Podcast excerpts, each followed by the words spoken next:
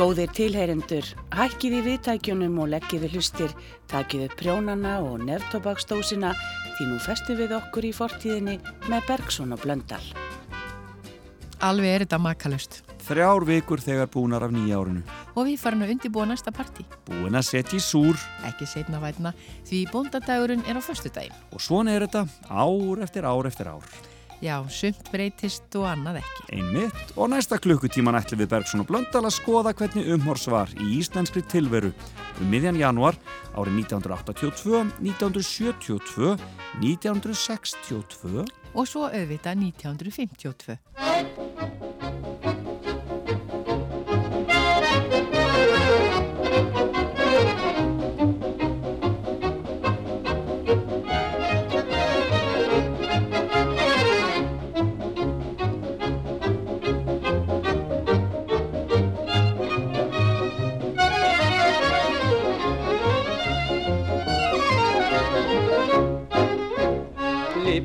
blómum laut og tanga léttar vossins rattir í veða glada nót Róðar sólinn rósa vanga reyfir passar syngja öll sín bestu ljót Nú er vorum veröld alla löfnin falla hlínar enn á ný.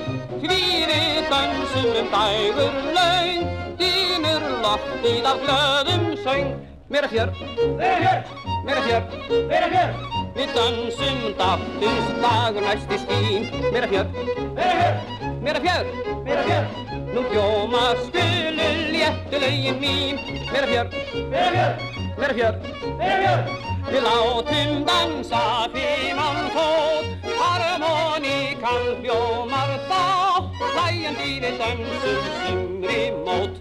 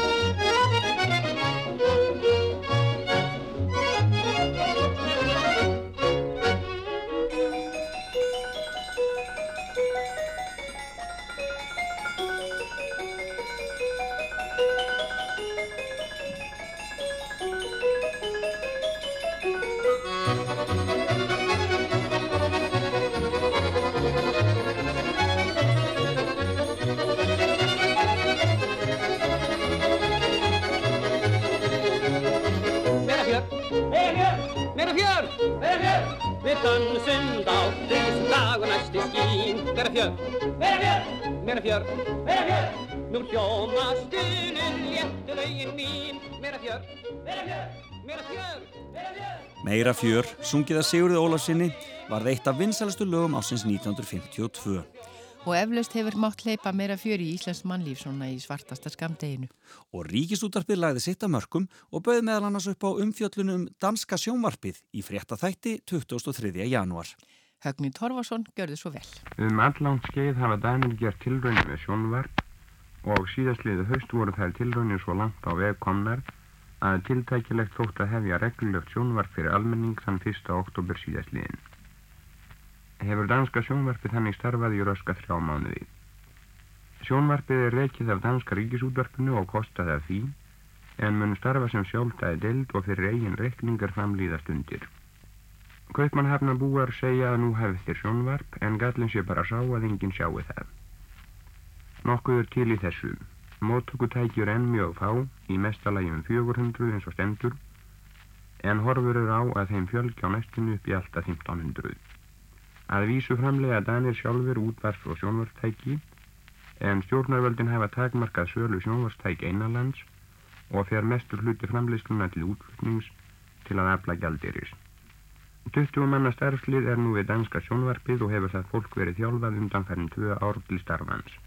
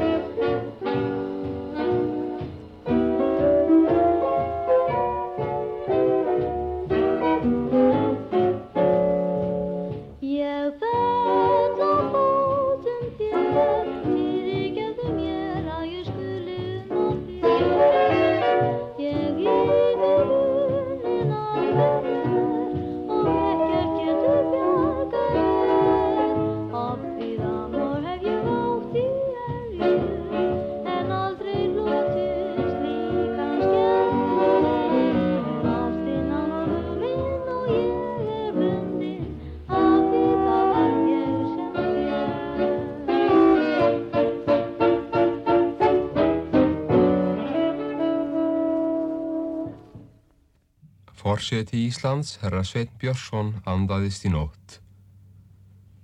Forsætisráð þeirra Stengrimur Stenþórsson flutti þjóðinni þessa sorgarfregn í hádegis útvarpi í dag. Hann gat þess að forsetin hefði fyrir skömmu gengið undir uppskurð Erlendis og virst á góðum batavegi eðan máttfarinn nokkuð. Hann hafði vonað að þreytan myndi hverfa með vorri og hækkandi sól svo að hann gæti þá tekið til starfa fyrir landsitt og þjóð með endur nýjum kraftum.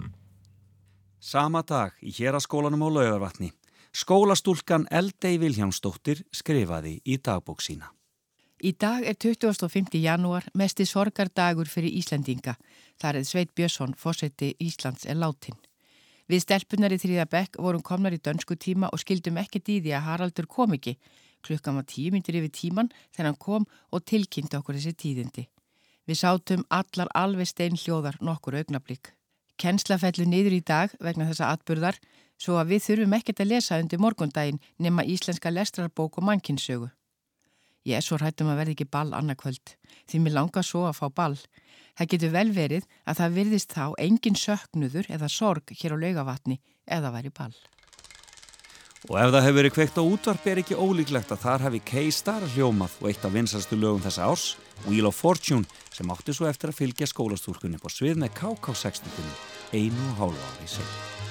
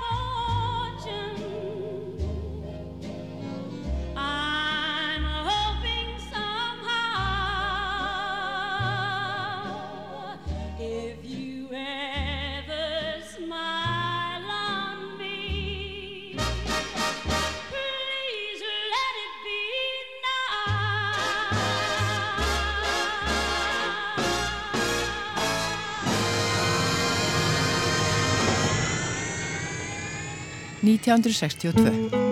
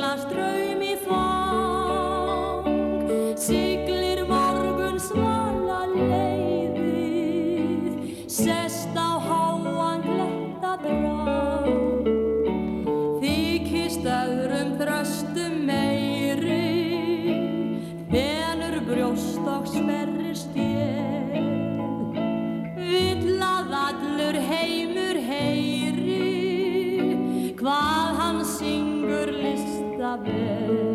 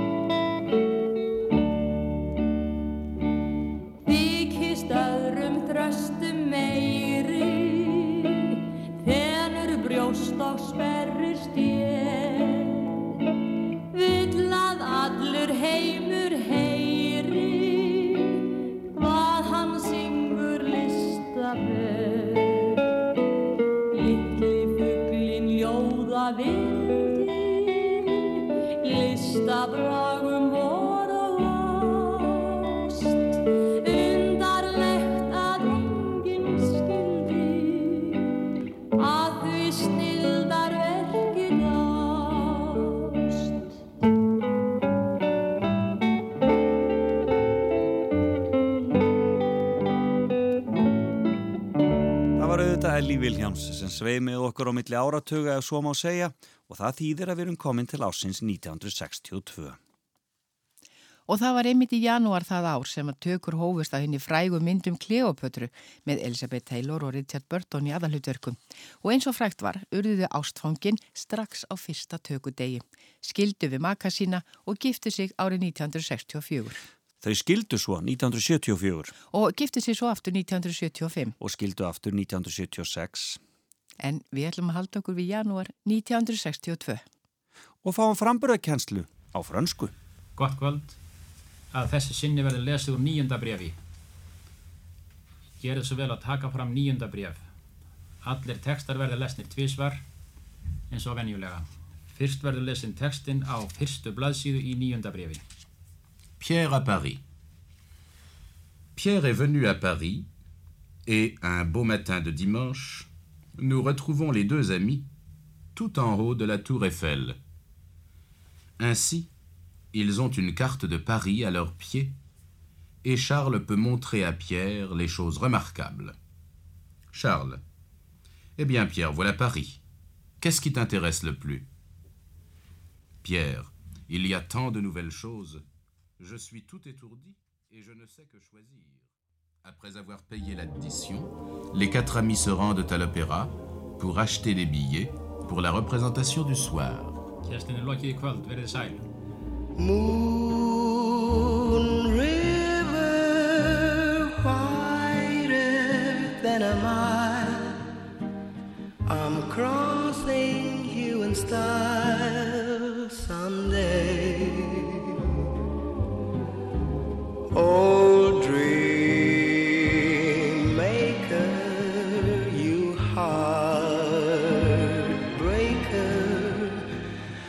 forever.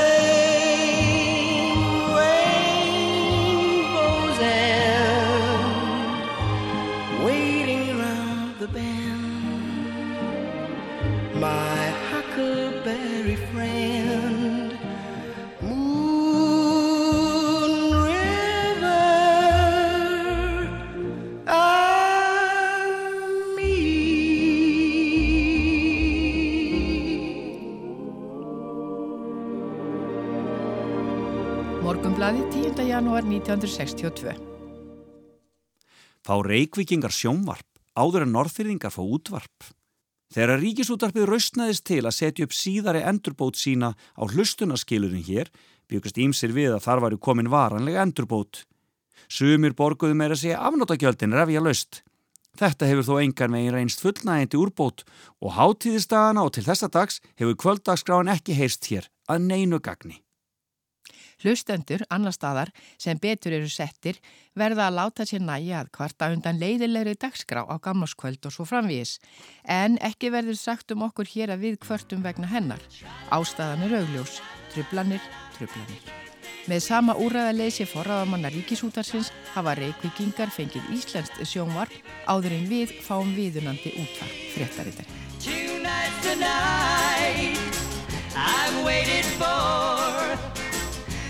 Because you're not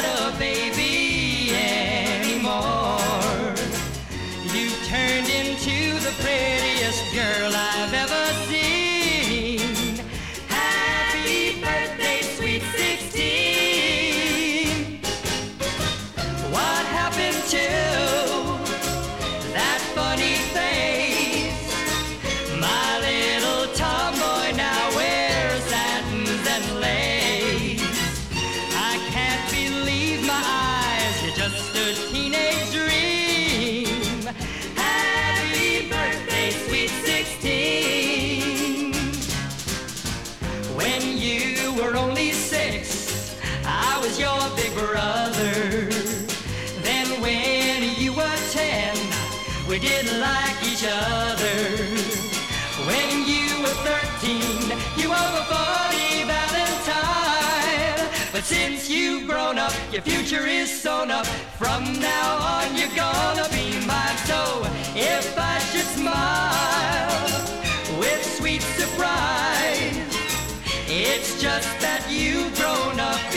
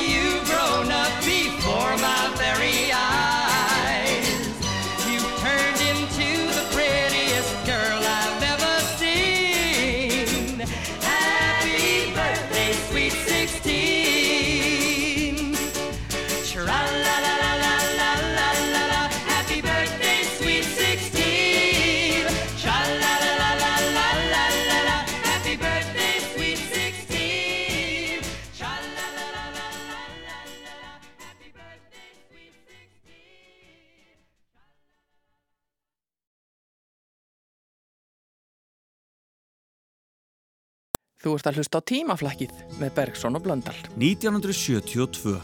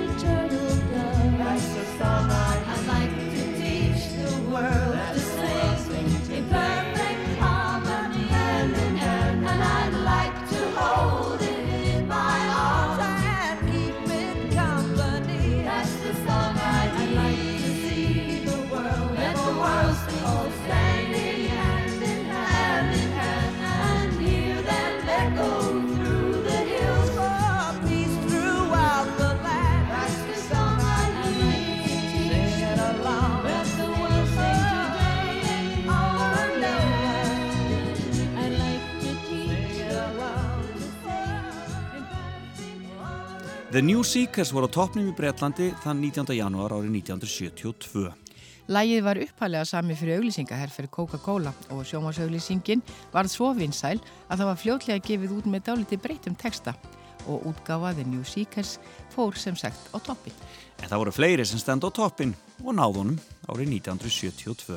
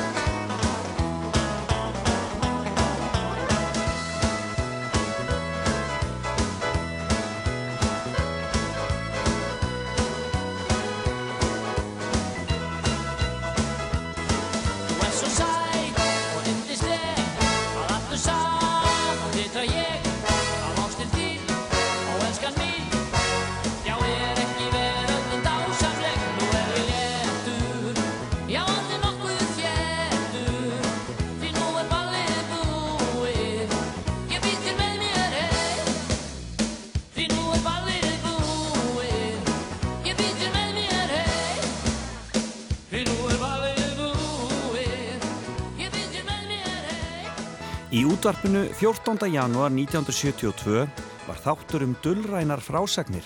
Haldur Pétursson sagði þar frá ótrúlegum atbyrðum á höfn í Hortnafyrði. Góði hlustendur, dullræna frásagnir eftir handriti Sigurlaugar Guðmundsdóttir frá Eyvindastum í Opnafyrði, nú á höfn í Hortnafyrði.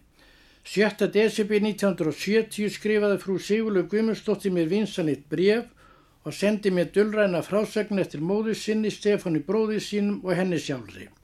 Fáum árum eftir við fluttum til Hortnafjörðar voru við sem bóðin í skýrnan viss í næsta hús til kunningafólks okkar. Ég satt við hlið móður minnar meðan á aðtöfninni stóð. Þegar byrja var að syngja skýrnansálmin, hvíslan móður mín að mér. Hvað er þetta sem verður að syngja? Ég hvísla aftur að henni að sé skýrnansálmurinn blíði Jésu blessa þú. Mér þótti þetta kynleg spurning en var þó að stilla forvitni mína um sinn. En er heimkom, segir mamma. Það má mikið vera ef þessi drengur verður langlífur. Mér fannst þetta útfarar en ekki skýrnasalmur sem verið verið að syngja.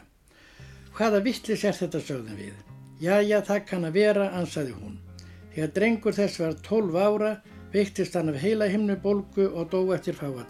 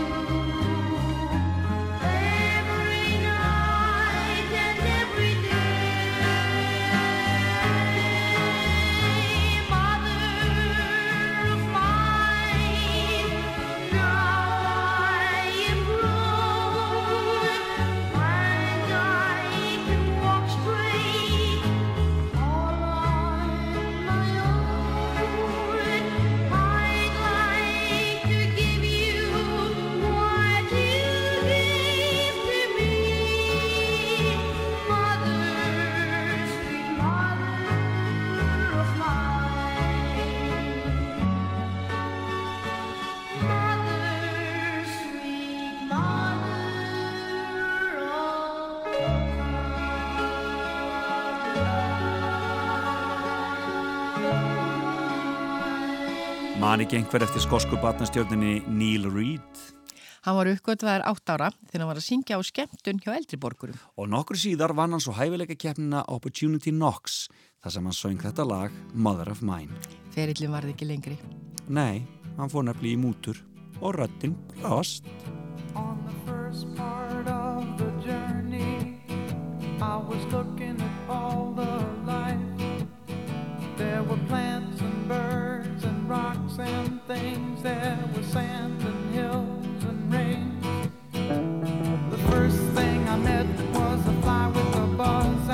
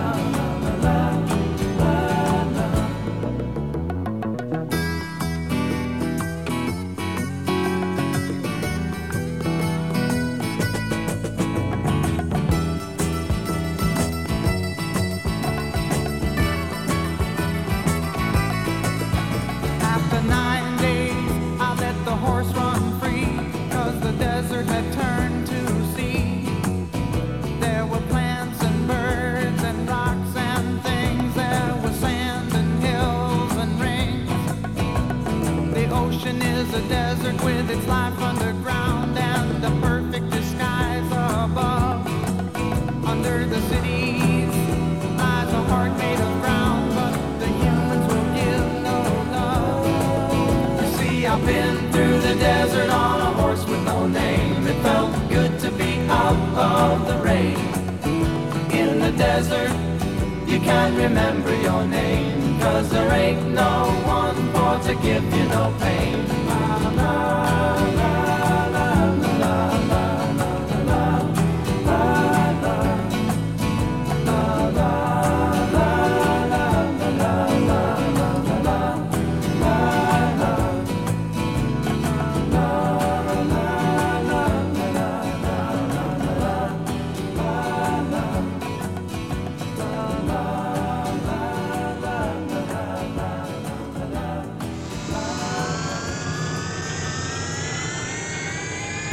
1982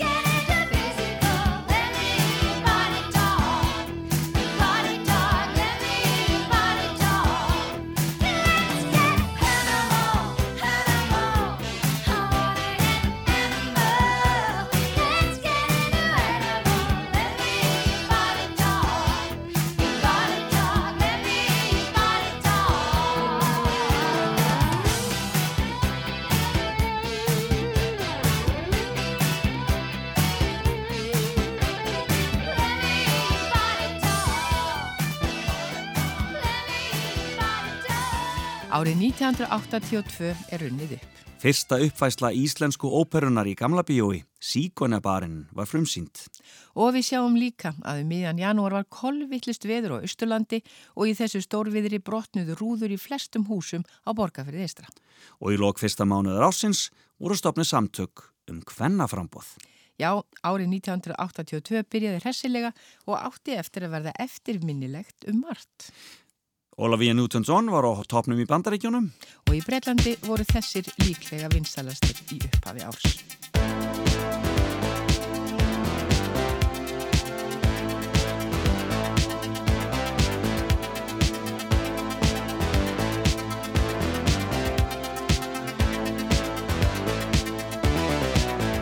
You were working as a waitress in a car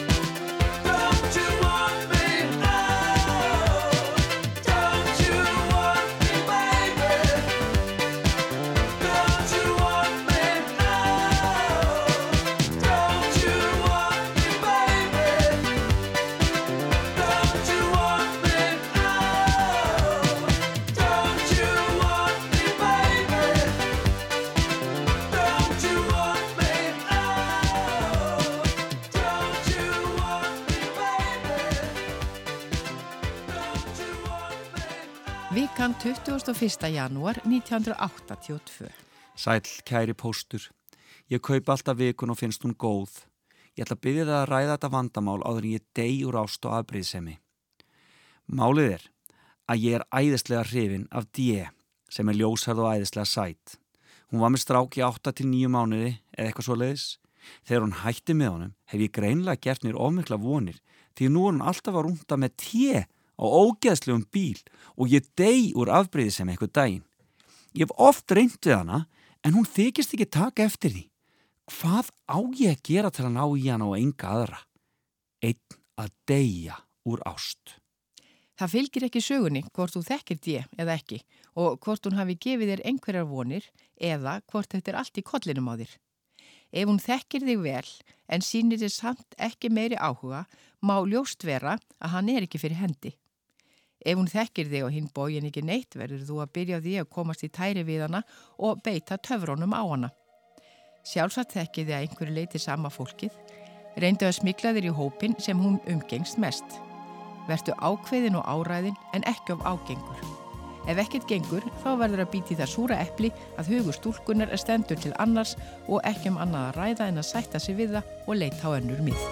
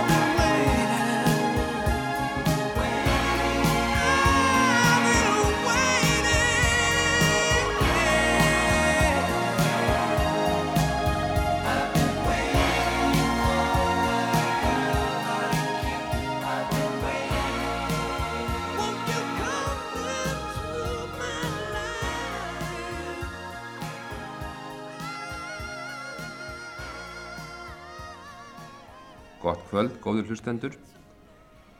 Þátturinn að vestan í kvöld verður helgaður eh, afmæli hér á skólans að Núpi en um þessar mundir eru 75 ár síðan þar var stopnaður skóli. Eins og kunnugt er, þá var það sér að Sigtryggur Guðlöksson sem stopnaði Núp skóla, þá orðin prestur í dýrafjardarþingum en á auka safnaðar fundið að Núpi 1906 var ákveðið að stopna þar úlingaskóla og vetri komanda. Var samþygt að kjenslaðferðin færi grúntvíska stefnu eins og það var orðað að svo miklu leiti sem aðstæður leifðu en það gætti þeirra skólastefnu mjög á Norðurlöndum um þessar mundir. Allt fram á þennan dag hefur skólinn rækt mentunar og menningar hlutverk á vestfjörðum sem í þjóðlífinu þótt ímstar bliku síðan nú á lofti um starfsemi hér á skóla í landinu. Ekki rund í stuttum þætti sem þessum og ekki ætlun reyndar að segja sögu núpskóla frá fyrstu tíð en ekki úr vegi að skiknast öllítið um á núpi hinn fyrstu ár sem skólinn starfaði.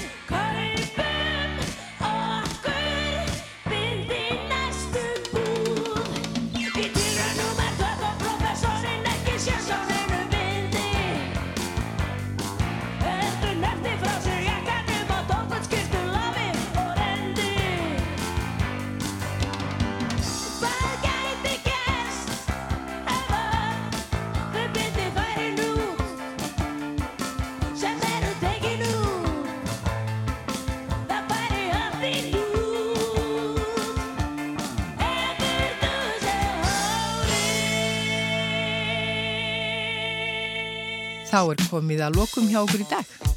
Við þakkum tæknimann okkar Einari Sigursinni og heyrumst aftur eftir viku. Bless, bless.